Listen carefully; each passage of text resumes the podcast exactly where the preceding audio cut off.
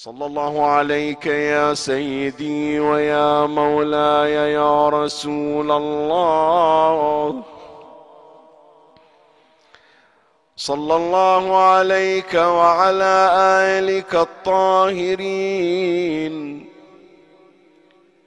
فاز من اعتصم بكم وامنا من لجأ إليكم.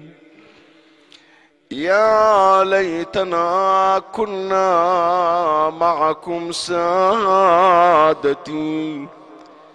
فنفوز فوزا عظيما. قال إمامنا جعفر بن محمد الصادق صلوات الله وسلامه عليه. يا يونس ما يقول الناس في أبي طالب؟ قلت جعلت فداك يقولون هو في ضحضاح من نار. حاشا سيدي ومولاي وفي رجليه نعلان من نار. تغلي منهما أم راسه فقال كذب أعداء الله. إن أبا طالب من رفقاء النبيين والصديقين والشهداء والصالحين. وحسن أولئك رفيقا. هدية لسيدنا أبي طالب عليه السلام في هذه الليلة بنية قضاء الحاجة المتعسره وشفاء المرضى ثلاثا بأعلى الأصوات الصلوات. على محمد وعلى محمد اللهم صل على محمد وآل محمد. اللهم صل على محمد وآل محمد. اللهم صل على محمد وآل محمد وعجل فرجهم. هذا الحديث الشريف الذي تلوته على مسامعكم الكريمة وقد أورده العلامة المجلسي على الله مقام في بحار الأنوار في الجزء 35 صفحة 111 الحديث متكرر يذكرون أكثر من راوي وأكثر من مجموع روائي. في هذا الحديث الشريف إشارتان مهمتان من الإمام الصادق عليه السلام. من يمر عليك هذا الحديث لابد أن تتوقف عند هاتين المحطتين هاتين الإشارتين. أما الإشارة الأولى الإمام الصادق عليه السلام يعلمنا في قضية أبي طالب عليه السلام أن ننتقل من مرحلة الدفاع عن أبي طالب إلى مرحلة إبراز مقامات أبي طالب. وهذا أنا أمر يا إخواني لطالما ألزمت نفسي بأني أبينه للإخوة الأحبة. من تمر مناسبة رحيل أبي طالب عم النبي صلى الله عليه وآله ووالد أمير المؤمنين عليه السلام دائما أأكد على هذا الأمر. سنوات يا إخواني أقدر أقول لك الآن أكثر من أربعين خمسين سنة أنا أحكي لك. من يجي خطيب يتكلم عن أبي طالب شو يتناول؟ يتناول الدفاع عن شخصية أبي طالب وأنه مات مؤمنا ولم يمت كافرا. هو هذا من يقولون لك الليلة مجلس على أبي طالب يعني إيش راح يتناول الخطيب؟ إثبات أدلة إيمان أبي طالب. أيضا من الأمور المؤسفة حتى الكتابات اللي عندنا سواء كانت كتابات قديمة أو كتابات حديثة. من واحد يريد يتكلم عن شخصية أبي طالب عادة أقول في الأعم الأغلب هو هذا البحث. هناك اتهامات أن أبا طالب مات كافرا لم يتشهد الشهادتين. روايات تقول واحدة منها هذه من المفتريات أن أبا طالب يعذب في نار جهنم والمستجار بالله. زين شوي ما يخالف افتح قوس خلينا نتوقف عند هالكلمة. العبارة اللي قاعدين يروجونها من زمن الإمام الصادق وما قبل الإمام الصادق عليه السلام. أبو طالب في ضحضاح من نار جهنم في رجليه نعلان من نار ويغلي منه دماغه. زين سؤال أسأل. شو مسوى أبو طالب حتى يستحق هالعقوبة؟ شوية فكر فيها. نعم لما تقول لي مثلا أبو جهل إلى عقوبة شديدة في النار نعم أعرف تاريخ تاريخ أسود. عبر عنه النبي صلى الله عليه وآله بأنه فرعون هذه الأمة. آذى النبي آذى المسلمين طلع في حرب على النبي. لما تقول لي أمية ابن خلف لما تقول لي أبو لهب لما تقول لي عقبة ابن أبي م... عقبة ابن أبي معيط لما تقول لي فلان فلان فلان تاريخهم تراجمهم السيفي مثل ما نقول مالهم أكو واضح عندهم جرائم ويستحقون عقوبة من نسق الجريمة. طيب قل لي جريمة أبو أبو طالب شنو؟ اللي يستحق عنده أو يستحق عليه هذا التوصيف من النبي. النبي يجمع الناس يقول تعالوا أعلمكم باكر الله إيش راح يعاقب عمي. يحطه في النار ويجيب له ضحضاح من النار يعني طشت من نار جهنم ولبسونه حذاء من نار جهنم وحتى دماغه يغلي شو مسوي؟ شو تسوي؟ انت رد علي. شنو جريمته؟ بتقول جريمته أنه كافر؟ زين كل كافر هذه عقوبته لو بس أبو طالب. كان قول لي عقوبة الكافرين الذين لم يؤمنوا بدعوتي أن لهم ضحضاح في النار وأن لهم أحذية من نار لأبي طالب ولا غير أبي طالب. هذا إذا كانت الجريمة شنو؟ الكفر. زين أو لا تقول لي ترى أبو طالب سوى شيء أكثر من أبو لهب. سوى شيء أكثر من أبي جهل بحيث استحق العقوبة الخاصة به شو مسوي؟ هذا ما نحكي أنه دافع عن النبي ولا نحكي بأنه حام النبي وأنه يحب النبي وأنه سافر ما لا لا هذا ما نقول كله كذب. نفترض أنه كذب وأنه عوض هذه المحاماة والدفاع. كان مؤذيا. شو مسوي؟ ليش هالأكذوبة؟ لا أعطيك بعد يزيدك استغراب أكثر وأكثر. أبو جهل ما جابوا اسمه. أبو جهل بالقرآن ما مذكور اسمه. صحيح لو لا؟ شايف اسم أبو جهل بالقرآن؟ ما موجود. إن شانئك هو الأبتار. عقبة ابن أبي معيط. ما ذكر القرآن اسمه. القرآن ذكر منه من اللي آذوا النبي بالاسم؟ تبت يدا أبي لهب وتب.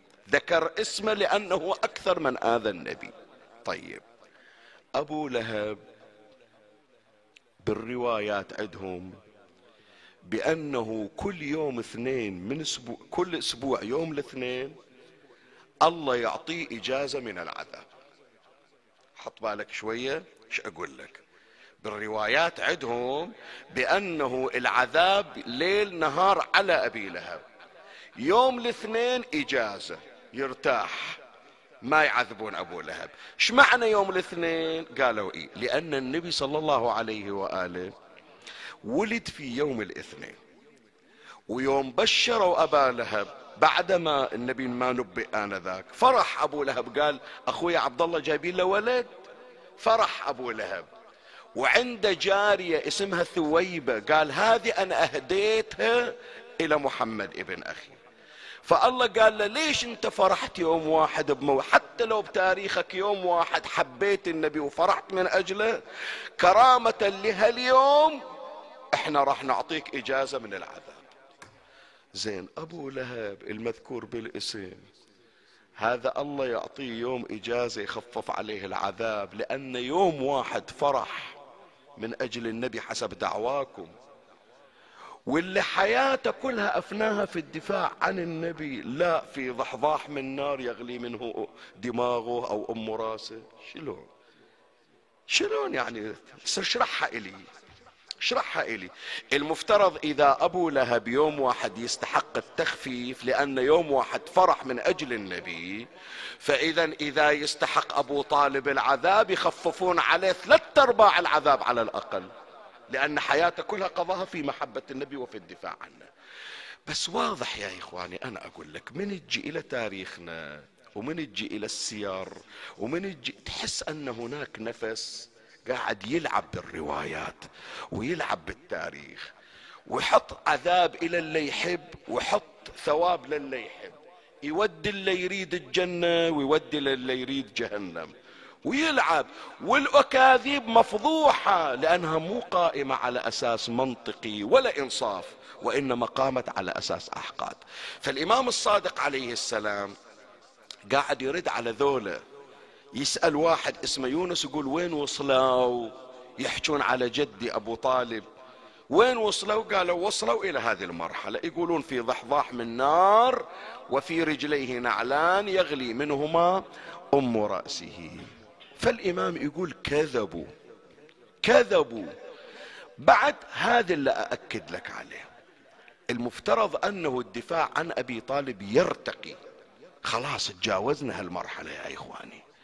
ولابد أنه إحنا الآن ننتقل إلى مرحلة ثانية أن نتعرف على مقامات هذه الشخصية.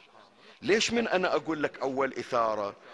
طيلة هالسنوات الكتابات المؤلفات البحوث المجالس المحاضرات الندوات كيف أثبت إيمان أبي طالب؟ زين ما أدري عن مقاماته شيء ما أعرف منزلة أبو طالب وين وصلت. زين ما أعرف أبو طالب الآن تصنيفه شنو؟ سؤال أسأل. شنو تصنيف أبو طالب؟ هل هو عالم؟ هل هو صحابي؟ هل هو محب؟ هل هو ولي؟ هل هو وصي؟ تصنيفه شنو؟ عنوانه شنو؟ أغفلنا هالجانب. ليش؟ لأن محاضراتنا وقراءاتنا وكتاباتنا كلها في شنو؟ متناولة جانب واحد إثبات الإيمان. ما أقول لك هذا خطأ بس لازم ما أغفل الجانب الآخر. من هنا شوف الإمام الصادق عليه السلام. من جهة رد على أولئك القائلين بكفر أبي طالب ومن جهة ثانية بين مقامات أبي طالب. يقول الإمام الصادق عليه السلام كذب أعداء الله. إن أبا إن أبا طالب شوف أول شيء قال كذب أعداء الله. يعني شنو؟ يعني لم يمت كافرا. وهذا اللي خلوه أكذوبة من مفتعلاتهم. بعدين بين مقامات أبي طالب. إن أبا طالب من رفقاء النبيين. يعني مكان اعلى من مقاماتكم أنتم أصلا. إن أبا طالب من رفقاء النبيين والصديقين والشهداء والصالحين وحسن أولئك رفيقا زين هذه أول إثارة. وهذا إن شاء الله ناسس إلى المجالس اللي راح تجي خصوصا في شهر رمضان الخطيب مثل ما راح يدافع عن أبي طالب ويثبت الأدلة اللي يحتجون بها الطرف الآخر هم أيضا لازم يعلم الحضور مقامات هذه الشخصية. ليش الإمام أمير المؤمنين سلام الله عليه يوصي بأن يقرأ الناس شعر أبيه أبي طالب وقال إن فيه علما كثيرا؟ ليش؟ كان أمير المؤمنين يحط إلى خطب ويقول احفظوا قال لا اخذوا العلم من أبوي أبو طالب. عنده علم وأسرار. احفظوا من عنده. ليش من واحد يروح للعمرة وللحج يقول له طوف طواف عن أبي طالب لقضاء حاجتك؟ ليش الأئمة إلى هذه الساعة؟ إمامنا صاحب العصر والزمان عجل الله فرجه الشريف. يحجون في كل عام عن أبي طالب. إيش معنى؟ هذه كلها أسرار لازم نبينها حتى نعرف هذه الشخصية اللي بقينا السنوات ما ندري عن هالمقامات فبحثي هذه الليلة يا إخواني على اعتبار أنه في شهر رجب تمر ذكرى رحيل أبي طالب. وهذا خليها قدامك. إحنا عادة البحارنا متى نقرأ شهادة أبي طالب؟ منو يتذكر؟ في شهر رمضان. تذكرون أي ليلة؟ سبعة. سبعة شهر رمضان. ورا ليلتين تجي شهادة أو رحيل سيدتنا خديجة أم المؤمنين. فسبع رمضان شهادة أبي طالب. عشر رمضان شهادة السيدة خديجة. عند أهل العراق وغير أهل العراق ستة وعشرين رجب تصادف ذكرى رحيل وشهادة أبي طالب. أكو رواية أخرى. فلهذا لو كنت بالعراق شفتوا يقرون على أبي طالب 26 رجب. فإحنا حتى نجمع المناسبتين يستحق أبو طالب أن نتوقف عنده. إن شاء الله بحثي هذه الليلة عن أبي طالب وهو بعنوان وصي الأنبياء. أبو طالب عليه السلام رؤية جديدة. ليش قلت رؤية جديدة؟ يعني راح نتباعد عن الحديث عن أدلة إيمان أبي طالب وراح نبين مقاماته. أريد أولادنا وأريد إخواننا وأريد كل إحنا يا إخواني نطلع من هذا المجلس عندنا معلومات جديدة عن شخصية أبي طالب.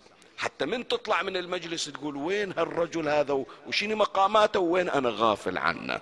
إن شاء الله عندنا رؤية جديدة عن أبي طالب عليه السلام أقدمها من خلال بيان خمس مميزات من شخصيته ومن الله أستمد العون والتوفيق ومن مولاي أبي الفضل العباس المدد ومنكم ألتمس الدعاء وثلاثا بأعلى الأصوات صلوا على محمد وآل محمد.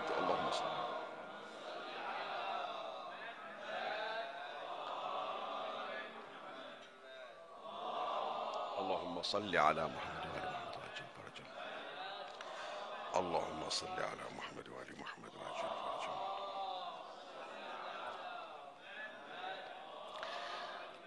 مولاي الكريم أنت حيثما كنت اسمعني وفرغ لي قلبك وأعرني سمعك وأقبل علي بكلك بحثي لهذه الليلة بمناسبة ذكرى رحيل أبي طالب عم النبي صلى الله عليه وآله ووالد أمير المؤمنين وجد المعصومين صلوات الله عليهم أجمعين. بعنوان وصي الأنبياء أبو طالب عليه السلام رؤية جديدة. أقدم في هذه الرؤية خمسا من مميزاته الشريف. أول ميزة نور أبي طالب. أعداء أبي طالب يقولون هو في نار. أهل البيت يقولون مو في نار. في شنو؟ في نور. هي الليلة اتذكرها واحفظها. إن شاء الله نرى يوم القيامة يا إخواني أضاء المحشر بنور أبي طالب. اللي اشتغلوا عليه في في الدنيا مات كافرا مات كافرا ما عندهم شغله إلا مات كافرا. ما حكوا على واحد من اللي أذى النبي. أبو جهل ما حكوا عليه كثر ما حكوا على أبي طالب. بقد ما غاثنهم. أهل البيت يقولون إذا تقولون بأنه في ضحضح من نار إحنا نبين لكم نور أبي طالب. الرواية عن أمير المؤمنين سلام الله عليه. يرويها العلامة المجلسي أعلى الله مقامه في بحار الأنوار الجزء 35 صفحة 69 قال أمير المؤمنين عليه السلام والذي بعث محمدا بالحق نبيا. إن نور أبي حط بالك للعبارة هذا أمير المؤمنين ابنه يقول إن نور أبي يوم القيامة يطفئ أنوار الخلائق كلهم. إلا خمسة أنوار. أول نور منه نور محمد صلى الله عليه وآله. ونور الحسن ونور الحسين ونور تسعة من ولد الحسين. فإن نوره من نورنا أمير المؤمنين يقول فإن نوره من نورنا الذي خلقه الله تعالى قبل أن يخلق آدم بألفي عام. صلوا على محمد وآل محمد.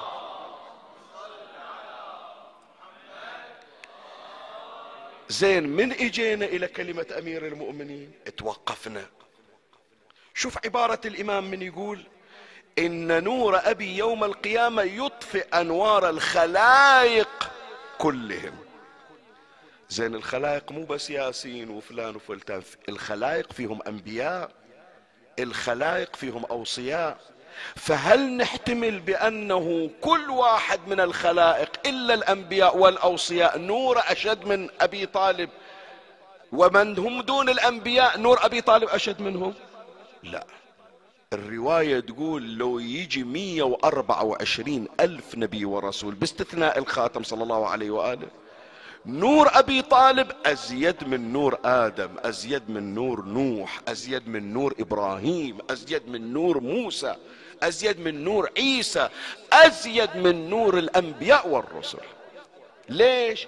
مو لأن نور خاص بي لأن نور أبي طالب من نور محمد وآل محمد صلوات الله عليهم.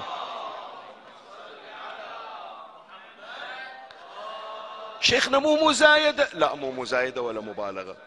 لأن كل شيء خلقه الله من أنوارهم. الرواية الموجودة عند السنة والشيعة.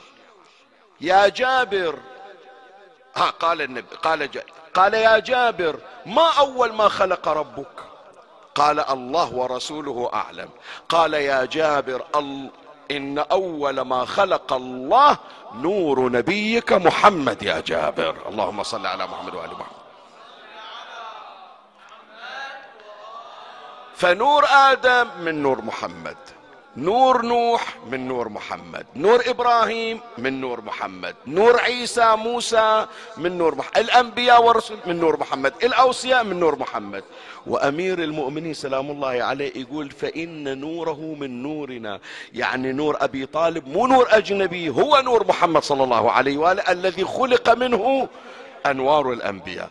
فإذا إذا اجى أبو طالب يوم القيامة حطها في بالك. نور أبي طالب يطغى على أنوار الأنبياء والرسل إلا نور محمد وآل محمد صلوات الله عليهم.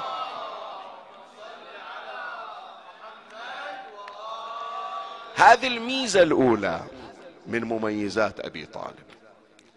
شوف شلون يردون أهل البيت. يقول إنتوا اشتغلوا وإحنا نشتغل. انتون تريدون تلقمون الناس وتزرعون في أدمغتهم أنه في نار. رواياتنا تعرف الناس من هو أبو طالب. هذا مصدر من مصادر النور. هذا مصباح من مصابيح يوم القيامة. المحشر يضيء بنوره الشريف. هي الميزة الأولى. الميزة الثانية. أبو طالب مستودع وصايا وأسرار الأنبياء. مخزن مخزن. يحكي الإمام ويحدث إمامنا موسى بن جعفر الكاظم سلام الله عليه.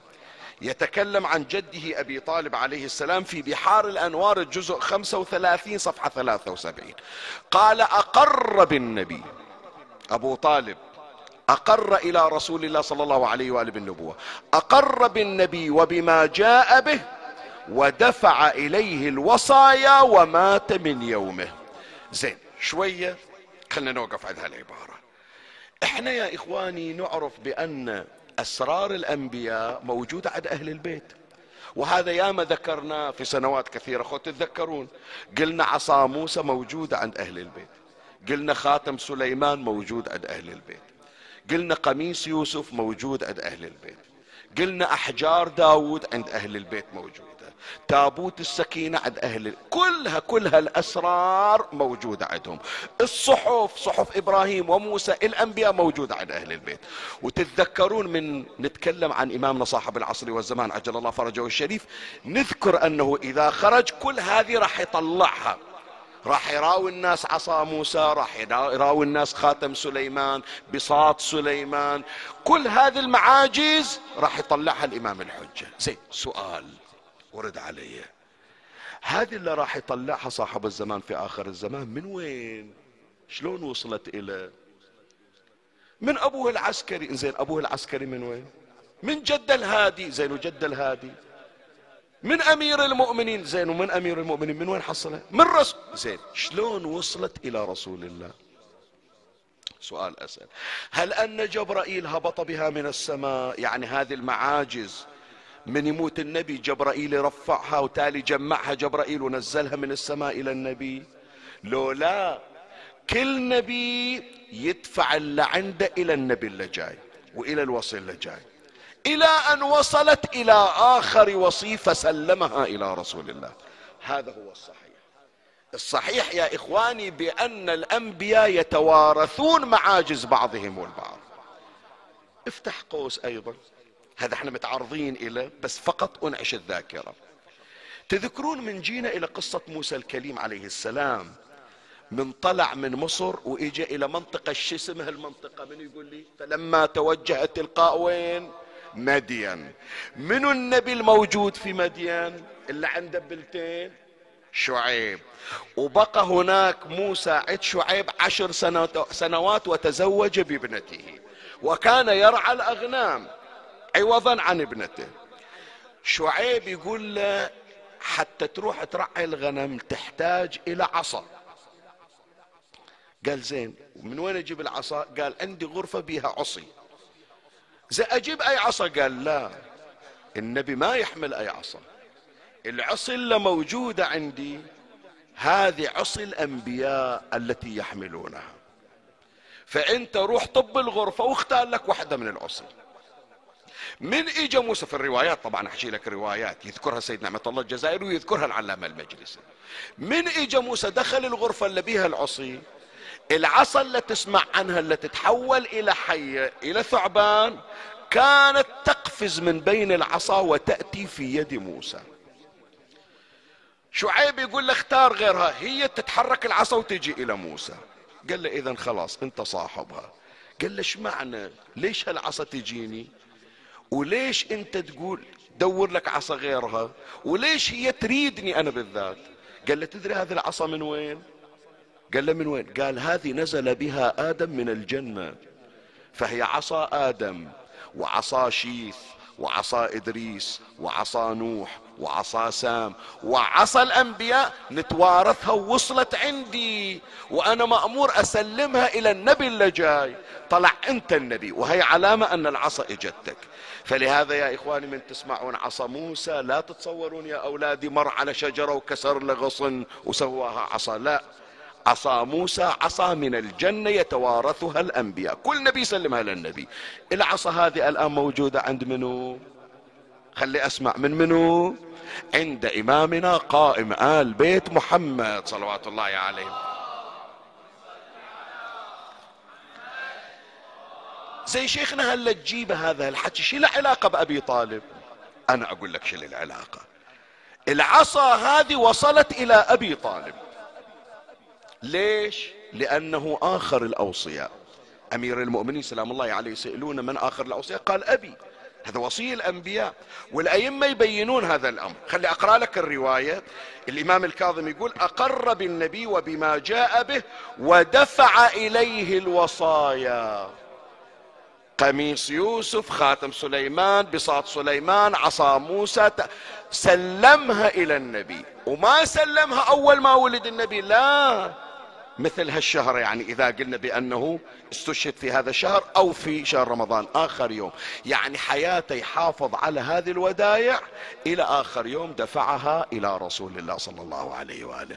فيا إخواني أبو طالب مستودع أسرار ووصايا ومواريث الأنبياء والأوصياء واحد عادي؟ لا تحسبه واحد عادي لا.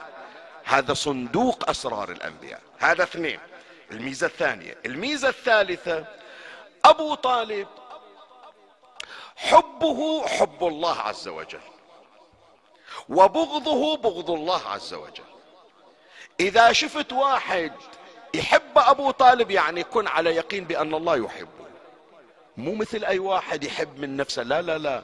عنده ميزان يعني حبه ميزان الحب الإلهي. منو يخبرنا عن ذلك؟ نبينا محمد صلى الله عليه وآله.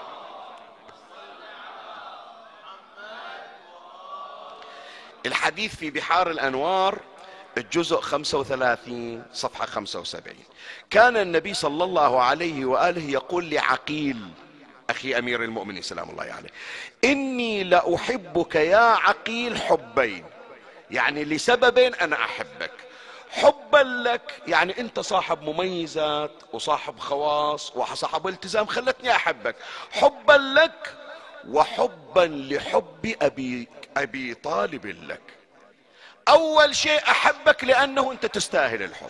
شخص ملتزم شخص ولي من الأولياء شخص مستقيم شخص كريم شخص عالم. فأنا أحبك. زين رسول الله إذا حب أحد خلاص كافي.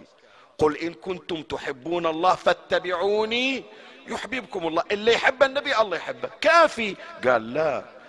السبب الثاني إحنا مأمورين كل واحد يحب عمنا أبو طالب إحنا نحبه لأن حب أبي طالب حب الأوصياء يدل على أن الله يحبه هذا شيء يذكرنا يا إخواني؟ سؤال أسأل.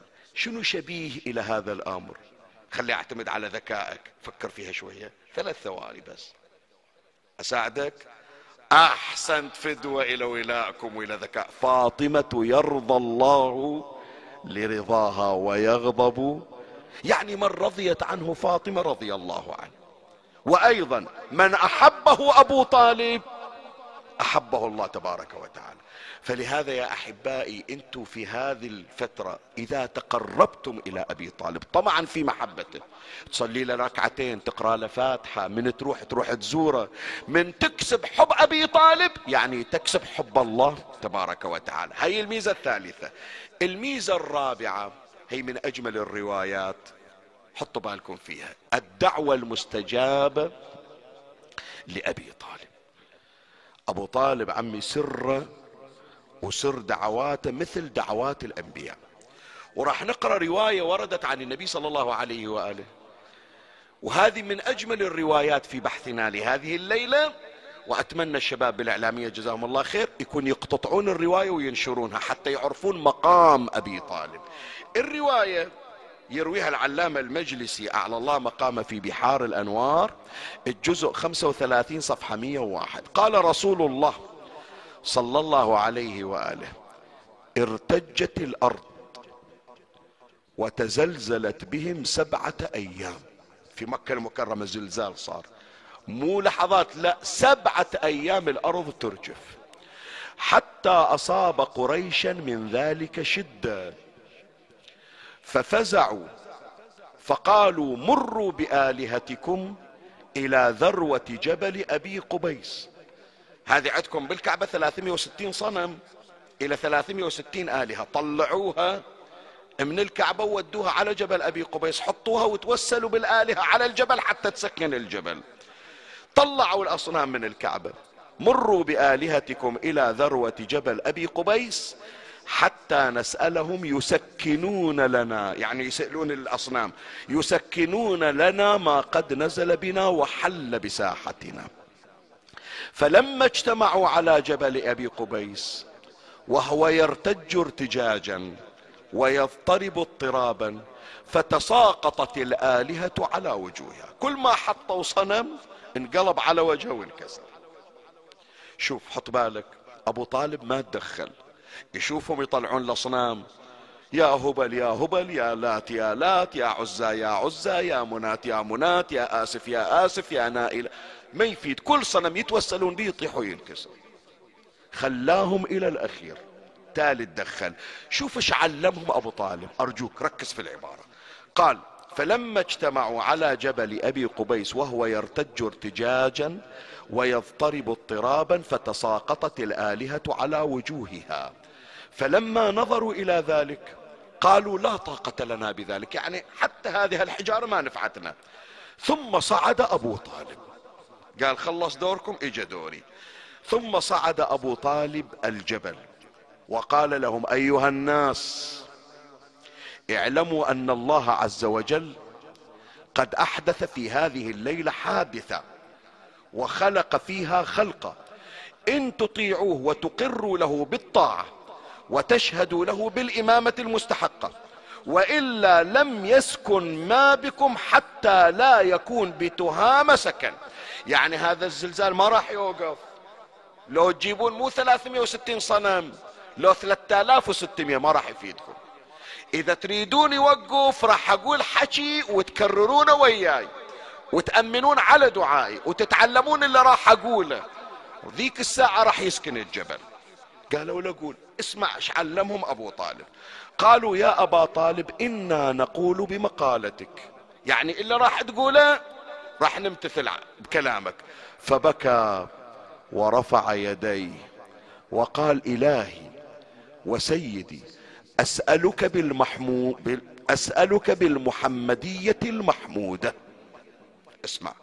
إلهي وسيدي أسألك بالمحمدية المحمودة. والعلوية العالية والفاطمية البيضاء إلا تفضلت على تهامة بالرأفة والرحمة. هي تحتاج من عندكم إلى صلوات مرتفعة. قال جابر رضي الله عنه قال رسول الله صلى الله عليه وآله فما استتم أبو طالب الكلام حتى سكنت الأرض والجبال وتعجب الناس من ذلك.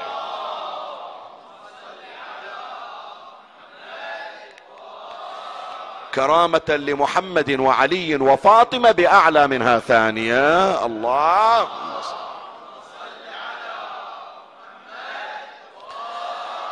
حبا في أبي طالب الثالثة بأعلى منهما. اللهم صل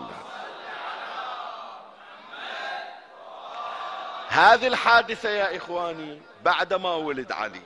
ما اجى أمير المؤمنين بعده. والزهراء بعده ما إجت. شوف إيش سوى أبو طالب جزاه الله خير. زرع في قلوب الناس من غصبا عليهم ترى. قال لهم بكيفكم تريدون أصنامكم؟ خليها توقف الزلزال إذا تريدون سر الأسرار اللي يأثر ما خلقت سماء مبنية. جربوا اسم فاطمة. صيحوا يا علي. توسلوا برسول الله. هم أبواب النجاة وسفن النجاة إلى الله. فمن ذاك اليوم حديث النبي في الرواية يقول من ذاك اليوم يدعون ما يعرفون من الزهرة. وما يعرفون من علي. ويتوسلون بدعاء أبي طالب في كل شدة. ويعلمنا يا إخواني أبو طالب من هذا الدعاء اللي يروي العلامة المجلسي. بالشدة صيح يا الله يا محمد يا علي يا فاطمة. أسأل الله تبارك وتعالى أن يفرج عنا وعنكم بحرمة محمد وآل محمد صلوات الله عليهم أجمعين.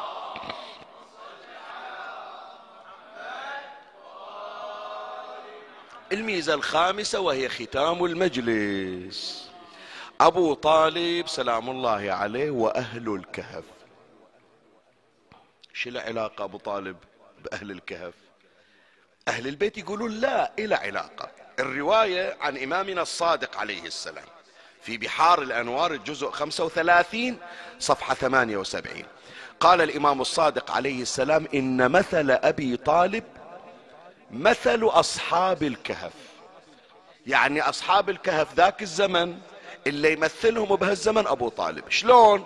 إن مثل أبي طالب مثل أصحاب الكهف. أسروا الإيمان وأظهروا الشرك فآتاهم الله أجرهم مرتين. فهذا اللي تقرأ أنت السورة عنهم سورة الكهف أصحاب الكهف أهل الكهف مثل أهل الكهف في أمة محمد أبو طالب. خلاص عمي مجلسي أنا انتهى ترى. هذا البحث كله جمعته لك ذكرت لك خمس مميزات لأبي طالب. نور أبي طالب مستودع الأسرار أبو طالب. كما بينا أبو طالب ميزان الحب الإلهي أبو طالب والدعوة المستجابة أبو طالب مثل أهل الكهف. خلاص هالمقدار كافي. بس أقول لك شيء واحفظه من عندي. مرة أكو واحد من يشوف خطر يهدد الدين يقدم نفسه تضحية. هذا فخر وشرف صحيح لولا. الصعوبة الأكبر تعرف شنو؟ الصعوبة الأكبر يقول لك المعصوم اصبر وتحمل. تسمع السب واصبر. تسمع الشتم وتصبر. وقتك مو الآن.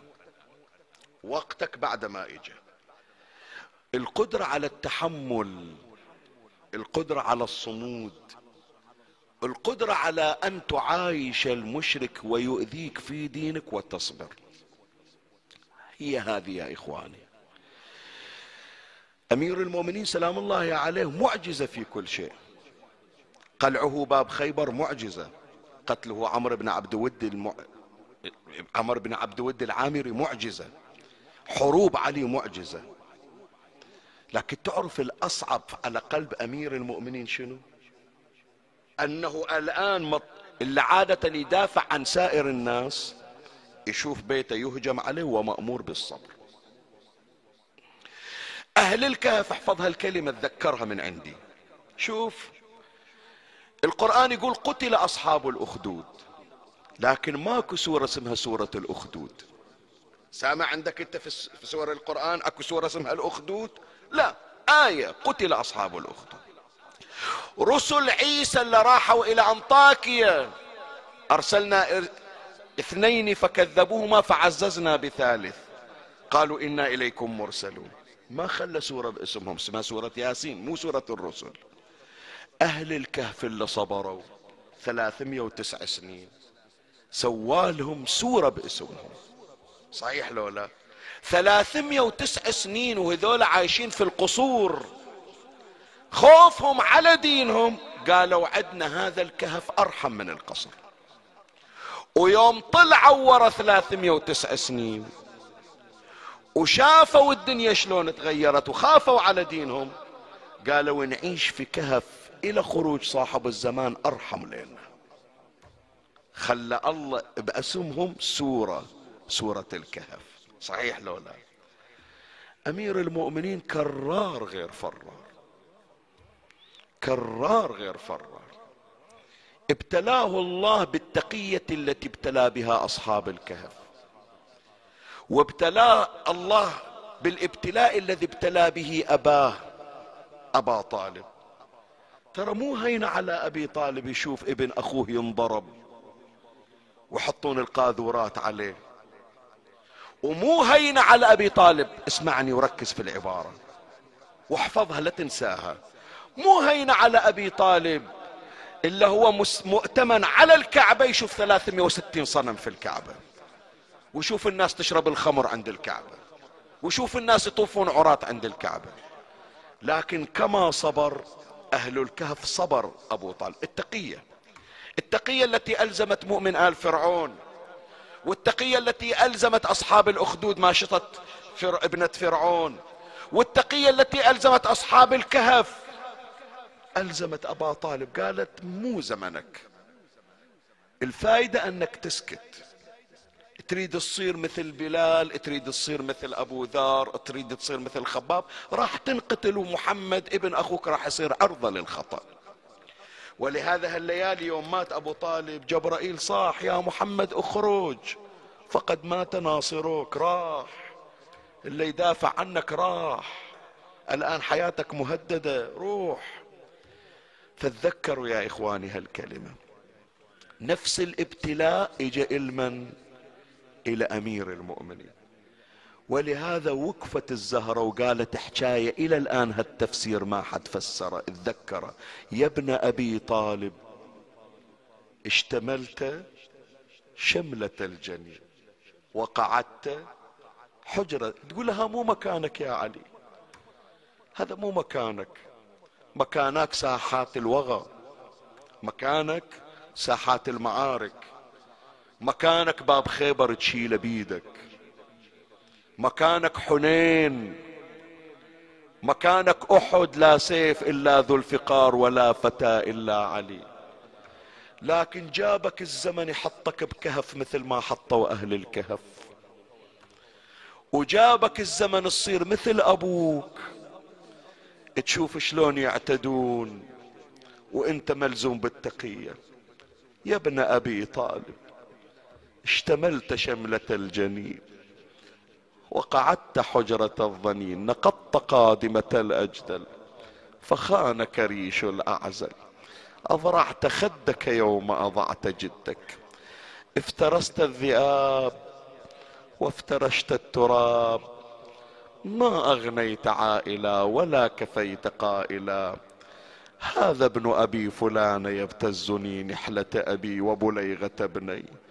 والله لقد أجهد في خصامي فألفيته الألد من كلامي. حتى منعتني قيلة نصرها والمهاجرة وصلها وغضت الجماعة دوني طرفها فلا دافع ولا مانع. خرجت كاظما وعدت راغما شكواي إلى ربي وعدواي إلى أبي. ليتني ولا خيار لي مت دون هنتي وذلتي. يا ريت دافنني ويا ابويا بقبر واحد ولا هالاهانات من أطلع واحد لطمني على عيني واحد رفسني بخاصرتي. ويقولون عندها ببيتها حلال المشاكل. الغريب من يصيح يا علي تفزع لو بتعمك ورا الباب توين يا علي. يعني يا لكم ليلة فاطمية الليلة. اي حملها حملها يا وصي ولا نبي قبلك. حملها أريد أسمعها من عندك تصيح. حملها وصي ولا نبي قبلك. حملها حملها يا يا حيدر وانت للزهرة. حملها شلون يسقط الزهرة. حملها حملها وهي تنخاك يا حامل حمي وهي تنخاك يا حامي.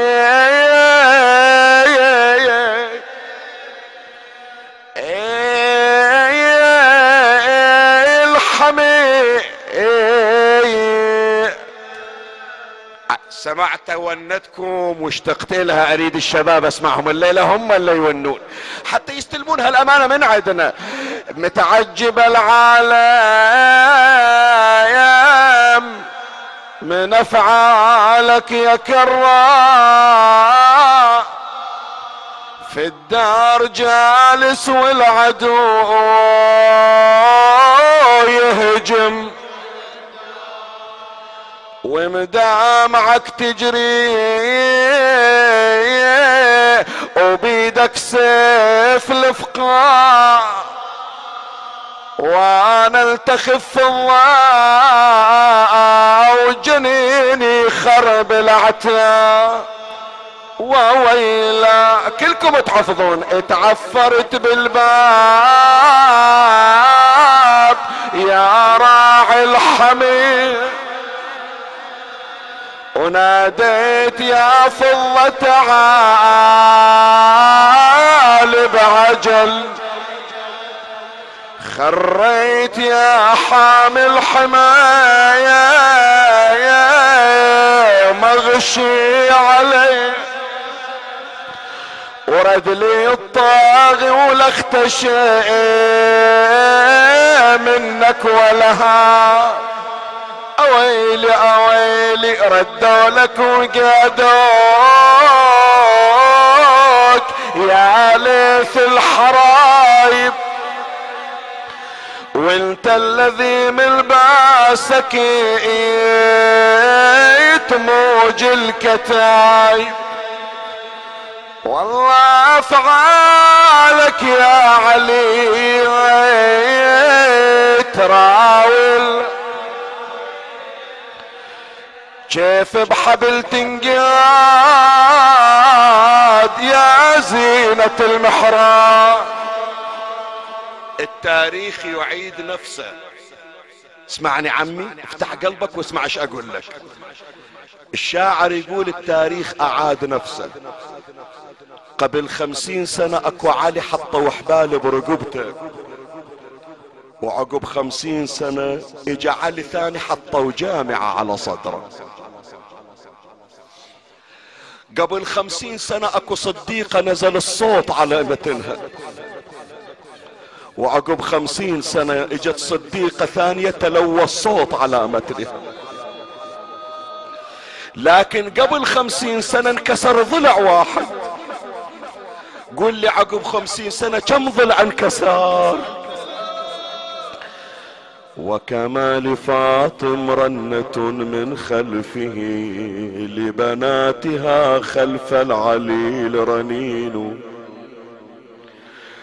وكذا علي قوده بنجاده فله علي بالقيود قرين. اسمعني. وبكسر ذاك الظل عرضت أضلع كم واحد؟ قال والله ما أدري. أربعين حافر ما خلت عظم إلا طحنته وبكسر ذاك الضيل رضت اضلعون في طيها سر الإله مصون. لولا ضلع اللي انكسر من البتول كان ما داست على حسين الخيول. واليمين اللي سطر بنت الرسول سلبت بتها وخذوها ميسرة. أويلي بعد هالونة هذه ونة البحرين اللي كانوا اباكم وأجدادكم يقرونها. خلينا نسمعها للعالم. إن كان فاطم يا خلاق دخلوا عليها. زينب مشت للشام تتستر بده مرت على الناقة. وهي تنظر وليها. والله عجيب شلون زينب خلت حسين. أنعم جوابا يا حسين. أما ترى شمر الخنا بالصوت كسر اضلعي شوف الشمر بيه.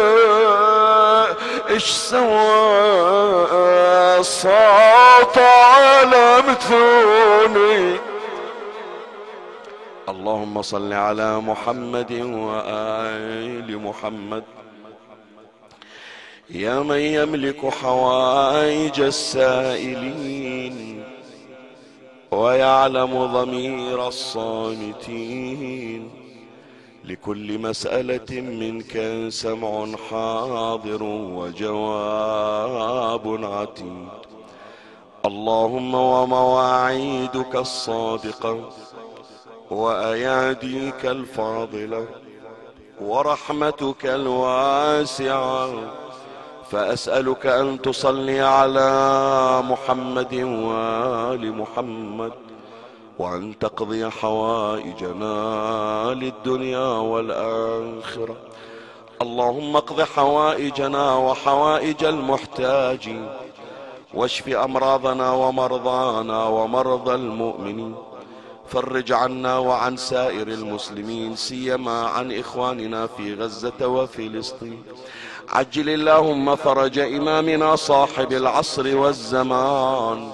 شرفنا برؤيته وارزقنا شرف خدمته. ترحم على أمواتي وأموات الباذلين والسامعين والمؤمنين أينما كانوا.